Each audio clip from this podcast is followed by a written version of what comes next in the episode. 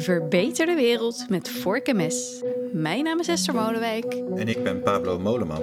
en dit is het Vegan Journaal. Zo, Pablo, volgens mij hebben we ontzettend veel nieuws eh, vandaag. Ik in ieder geval wel. Jij? Ja, ik, eh, ik heb ook inderdaad een eh, heel kladblok volgeschreven weer. En we moeten ook nog, we hebben een bijzondere gast aan het einde van de uitzending. Ja, ja, dat is goed om die vast aan te kondigen. Nou, we zeggen nog niet wie het is. We houden het nog even geheim. Oh, maar, maar hij ja, belt straks in. zeker. Ja, dat is mooi. Nou, laat ik dan maar gelijk beginnen eh, met een mooi nieuwtje van Wakker Dier. En dat is dat er het afgelopen jaar minder is gestund met vlees door de Nederlandse supermarkten. Tussen 2021 en 2022 is er een daling van 6% gezien. Eh, Wakker Dier houdt dat al sinds 2015 nauwgezet bij. En het is eigenlijk pas sinds vorig jaar dat ze daar een daling in beginnen te zien. En, en om hoeveel reclames gaat het dan eigenlijk nog, zo'n beetje?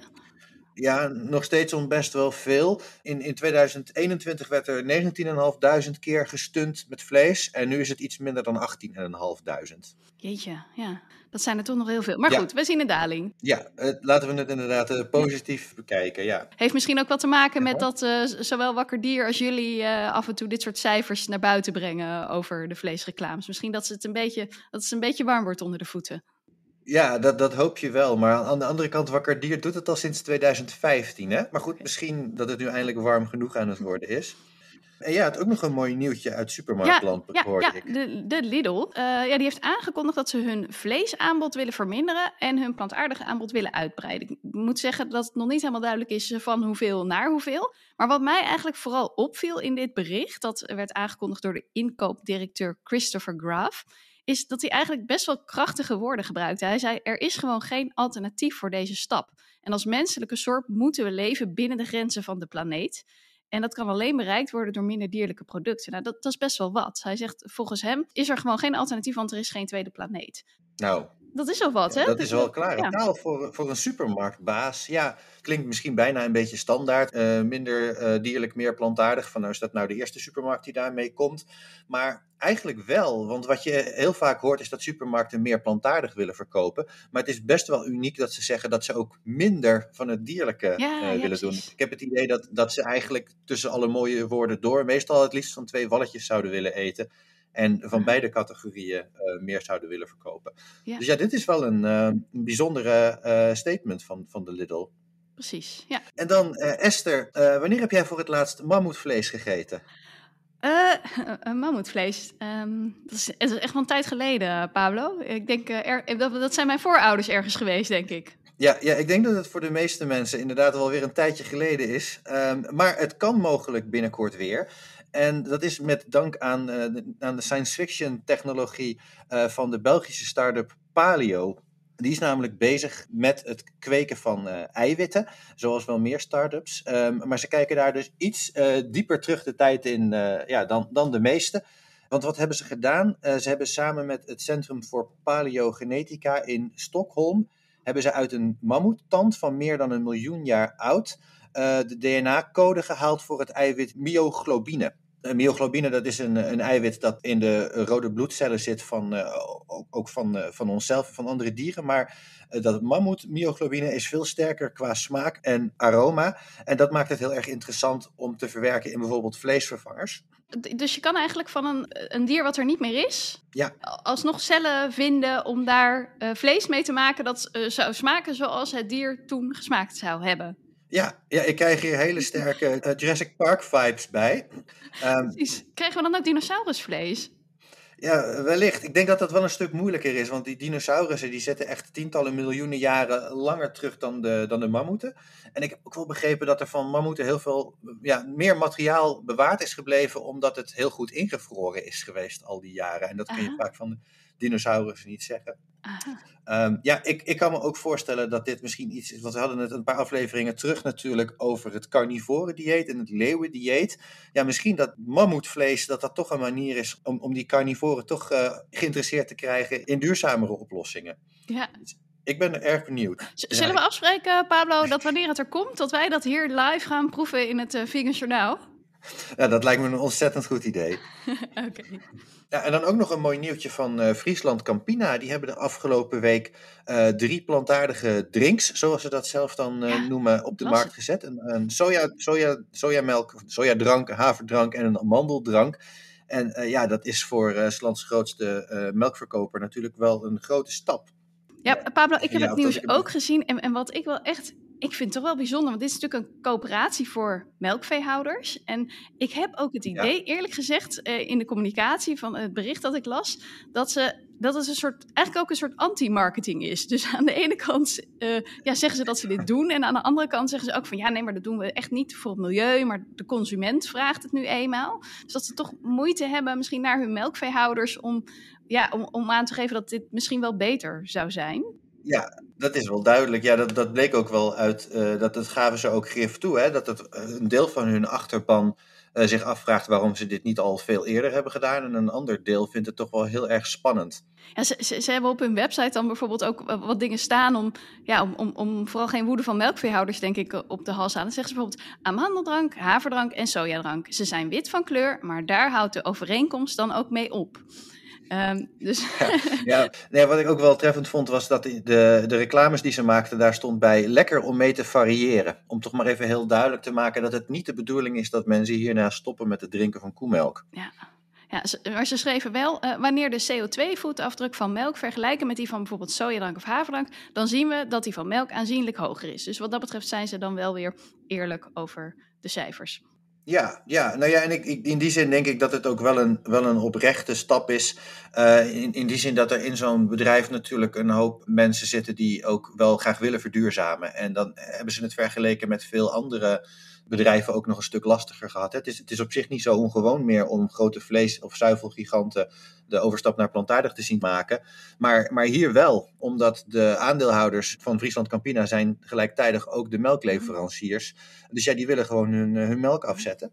Maar wat de CEO ook tijdens de presentaties van deze producten aangaf, is dat de opbrengsten uh, die uh, worden gemaakt met de verkoop van die plantaardige zuivel, dat die ook weer teruggaan naar het boerenerf. En dat er gekeken wordt naar manieren om ook de productie van de grondstoffen hiervoor door Nederlandse boeren te laten plaatsvinden. Dus oh wat dat betreft nemen ze ook eigenlijk wel een, eh, een voortouw juist in de transitie uh, als het gaat om de landbouw. Nou, dit, past eigenlijk ook wel bij, uh, bij iets wat ik uh, las in de krant. Vijf grote partijen lanceren een masterplan voor de eiwittransitie. Het gaat om een initiatief van onder andere de Wageningen Universiteit, maar ook ZLTO Friesland Campina, Agrifirm en het ministerie van LNV zijn aangesloten. En ja, ze hebben een budget van 96 miljoen gevraagd bij het Nationaal Groeifonds om uh, ja, eigenlijk die eiwittransitie te gaan aanjagen. En de doelstelling is om van 60% dierlijk wat we nu eten en 40% plantaardig, om dat naar 50-50 te brengen. Al zegt de projectleider er zelf bij, eigenlijk zouden we nog een stukje verder moeten. Maar goed, als we dat zouden realiseren, zegt ze, dan zou al 7% minder landbouwgrond nodig zijn. Nou, en wat ze dus willen gaan doen uh, met dat geld is experimenteren met het verbouwen van bijvoorbeeld veldbonen, uh, maar ook onderzoek naar de markt doen en hoe je mensen nou in bijvoorbeeld de supermarkt aan kan sporen om meer plantaardig te kopen. Dus uh, ja, ook best wel een, een, flinke beweging waar ook weer de, eigenlijk meer de reguliere partijen bij aangesloten zijn.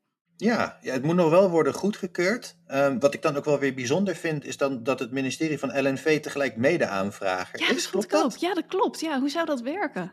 Ja, dus dat is dan eigenlijk de overheid die de overheid om een smak geld vraagt. Om dan de doelstelling van de overheid om naar 50-50 te gaan te kunnen behalen, zeg maar. En ja, waarbij die uh, Stacey uh, Payet van de Wageningen Universiteit ook nog aangaf van wat ons betreft mag het ook nog wel wat verder dan 50-50 en willen we uiteindelijk naar uh, 40-60.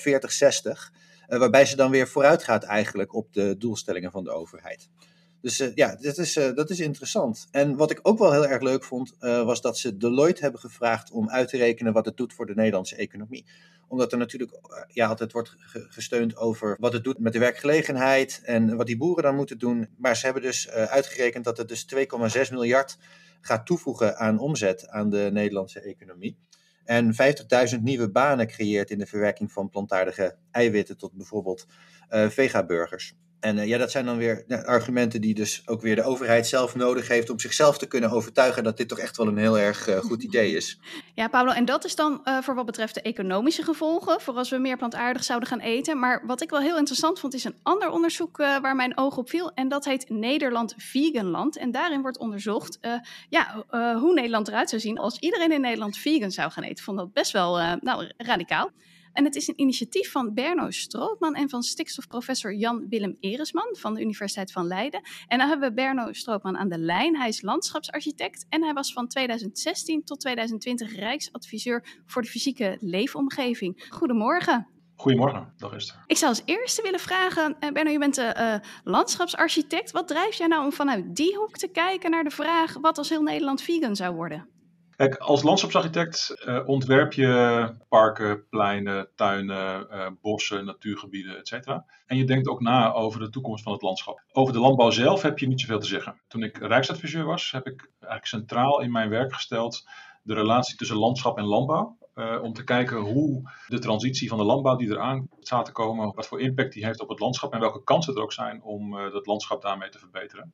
En wij denken dat als je kijkt met de bril van uh, klimaatrechtvaardigheid, dat het dan heel interessant is om te kijken wat zou er nou gebeuren als Nederland geen vlees meer zou eten. Hè, wij, wij ontwerpend onderzoek gaat vaak uit van een soort what-if situatie. En dan probeer je een toekomst te bedenken zoals die eruit zou zien uitgaande van die veronderstelling. Dus onze, wij worden gedreven door nieuwsgierigheid en door een vermoeden. En het vermoeden is dat onze vleesconsumptie, maar ook onze vleesproductie en ook het, de import van het veevoer wat daarvoor nodig is, dat dat, uh, als je dat zou veranderen, dat je dan een klimaatrechtvaardiger Nederland zou krijgen en ook wellicht een klimaatrechtvaardiger wereld. En ik las ook dat jullie ook bij klimaatrechtvaardigheid ook nadenken over de klimaatrechtvaardigheid van het dier. Hè? Die, die willen jullie ook meenemen, de klimaatrechten van het dier. Ja, dat vinden we interessant. Dat, daar weten we nog niet zo heel veel van. Uh, maar daar, uh, ja, dat willen we verder verkennen. Er zit in ons uh, team zit ook Tineke Lamboy van uh, Nijenrode. En zij is gespecialiseerd in Right of Nature. Dat is een, uh, een vrij nieuwe ontwikkeling. Waarbij ja, meren, rivieren rechten krijgen. Rechtspersonen worden bijna. En wij kijken samen met, uh, met Tineke Lamboy kijken wij naar, naar wat zou je in dat opzicht in Nederland misschien kunnen doen. En als je die rechten van de natuur of rechten van het dier meeneemt, wat zou een vegan Nederland daarvoor dan kunnen betekenen? En heb je het dan over de wilde dieren of over de dieren in de stallen die je gaat onderzoeken? Allebei. Allebei. Ik ben ook nog wel even benieuwd. Ik las dat jullie gaan kijken van wat als heel Nederland vegan werd. Maar gaan jullie er dan ook vanuit dat er ook geen productie van dierlijke producten meer is of alleen geen consumptie meer? Nee, wij, uh, wat ik al zei, het is een onderzoek, hè, dus het is een, uh, het is een verkenning. Het is niet zo dat wij een plan maken waarbij uh, heel Nederland over drie jaar geen vlees meer mag eten. Dus onze, onze what-if, onze veronderstelling is, stel dat je in Nederland een wet invoert waarin je zegt het is in Nederland verboden om grond te gebruiken voor de productie van veevoer, van vlees of zuivel. En het is ook verboden om veevoer te importeren. Dus we produceren in Nederland geen dierlijke producten meer. Een radicaal gedachte-experiment. Precies, het is echt een gedachte-experiment. Ja. Wat zou er dan gebeuren? Uh, hoe, hoe, ziet Nederland er dan uit? Wat zou het dan betekenen voor de grote opgaven waarvoor we als land staan? We hebben natuurlijk een enorme klimaatopgave, we hebben natuurlijk een landbouwtransitie uh, te gaan, we hebben een energieopgave, we hebben een woningbouwopgave. Dus er is van alles waar ons land voor staat en waar we eigenlijk niet zo goed uitkomen. Je ziet dat die spanningen oplopen, dat het een enorme puzzel is uh, waar vele miljarden in worden gestoken. Wij vermoeden dat als je wat meer richting het plantaardige dieet zou gaan en wat minder die vlees- en zuivelproductie zou aanmoedigen en zou subsidiëren, want dat gebeurt natuurlijk ook. Dat we dan die klimaatrechtvaardigheid dichterbij brengen, maar wellicht ook die andere opgaven makkelijker kunnen oppakken. Ja, want nou, ik heb even uitgezocht. Ik, ik begrijp dat er in Nederland zo'n 77.000 stallen staan voor vee. Dat moet toch als landschapsarchitect, moet je toch best warm van worden van het idee dat er heel veel ruimte vrij zou komen voor andere dingen. Ja, wij, wij zijn best warm voor dit idee, daarom gaan we het ook onderzoeken. Ja. Die stallen is nog niks vergeleken met ongeveer een, kwart van het totale grondoppervlak van Nederland. Uh, wat door de melkveehouderij wordt bezet natuurlijk. Als je daar als landschapsarchitect de vrije hand in mag krijgen, dat lijkt me wel een interessante opdracht. Ja, zeker. Kijk, het gaat natuurlijk ook over het beheer van het landschap. Wij denken dat het niet zo is dat uh, al die boeren weg moeten. Integendeel, wij denken dat het, uh, tenminste binnen dit gedachte-experiment, mm -hmm. Alleen uh, het grondgebruik zal enorm veranderen. Je kunt niet op elke grond in Nederland voedsel voor mensen produceren. Althans niet grondgebonden. Wel in kassen natuurlijk. Dus je hebt gronden die zijn geschikt voor akkerbouw, tuinbouw. Maar heel veel gronden die nu weiland zijn, ja, die zijn niet voor niets weiland. Die zijn ook weiland. heel veel veengebieden bijvoorbeeld, veenweidegebieden. Die zijn ook weiland omdat ze niet geschikt zijn voor de productie van akkergewassen. Nou, wat doe je daar dan? Ga je daar dan kijken naar gewassen die daar misschien wel passen, die mensen zouden kunnen eten? Of wordt dat natuur, of wordt dat waterberging, of ga je daar energie produceren? Nou, dat is een puzzel die we gaan maken. En daarbij ook wel rekening houden met de kwaliteiten van het huidige landschap van Nederland. Want juist die veenweidegebieden, die zijn op dit moment, cultuurhistorisch gezien, zijn het, eh, zeker internationaal, zijn dat onze, onze meest unieke gebieden eigenlijk. Dus op het moment dat je daar de melkveehouderij van af zou halen, dan heeft dat een enorme impact. Het vermoeden is dat uh, de klimaatrechtvaardigheid en de grote opgave waarvoor we staan veel baat zouden kunnen hebben bij een meer vegan Nederland. En helemaal vegan Nederland lijkt me voorlopig een, uh, een stevige utopie. Maar uh, door te laten zien wat het zou kunnen betekenen, denken we dat het mensen die daarover beslissen en mensen die daar hun mening over vormen, dat die daar baat bij hebben, dat die daar gevoed door kunnen worden. Het gaat echt over de ruimtelijke kant en over de klimaatkant en helemaal niet over dingen als uh, gezondheid bijvoorbeeld. Hè. Is een vegan dieet wel gezond? Of, uh, of moet je dan altijd uh, vitamines erbij slikken of zo? Dat soort dingen, daar hebben we het helemaal niet over. Die naam Nederland Veganland is natuurlijk wel een stevige knipoog naar, naar de promotiecampagne Nederland Vleesland. Dus ik vroeg me af of je daar reacties op hebt gekregen, mogelijk ook vanuit die plattelandsgemeenschap of vanuit andere hoek. Nee, het is inderdaad, de, de, de naam is letterlijk gebaseerd op Nederland Vleesland. Daar is het een knipoog naar inderdaad. we hebben uit de, de vleeshoek geen reacties gekregen. We hebben wel heel veel, uh, echt veel meer dan we hadden verwacht, reacties gekregen van mensen die graag mee willen doen, die dit heel interessant vinden, heel veel media-aandacht, terwijl we nog moeten beginnen. dus dat is, ja, dus dat is leuk. Het leeft enorm. En wij, wij vinden het wel belangrijk om, ehm, nou, om dit echt als een onderzoek te zien en niet als een campagne. Dus, dus wij, wij voeren deze verkenning uit en trekken onze conclusies. Helder. Heel hartelijk dank, Bernard Stroopman. Wanneer kunnen we de resultaten verwachten? Ja, dat weten we nog niet precies, maar we denken dat we er een klein jaar mee bezig zijn. Dus ik verwacht uh, ja, eind dit jaar, begin volgend jaar. Nou, heel goed. Dan uh, komen wij er tegen die tijd zeker weer op terug, uh, Pablo. Ja, ik ben heel benieuwd. Nou, dan ronden we hiermee ook het uh, Vingersjournaal af. Dank dat je het wilde komen toelichten. graag gedaan. Dankjewel. Oké, okay, tot over twee weken allemaal.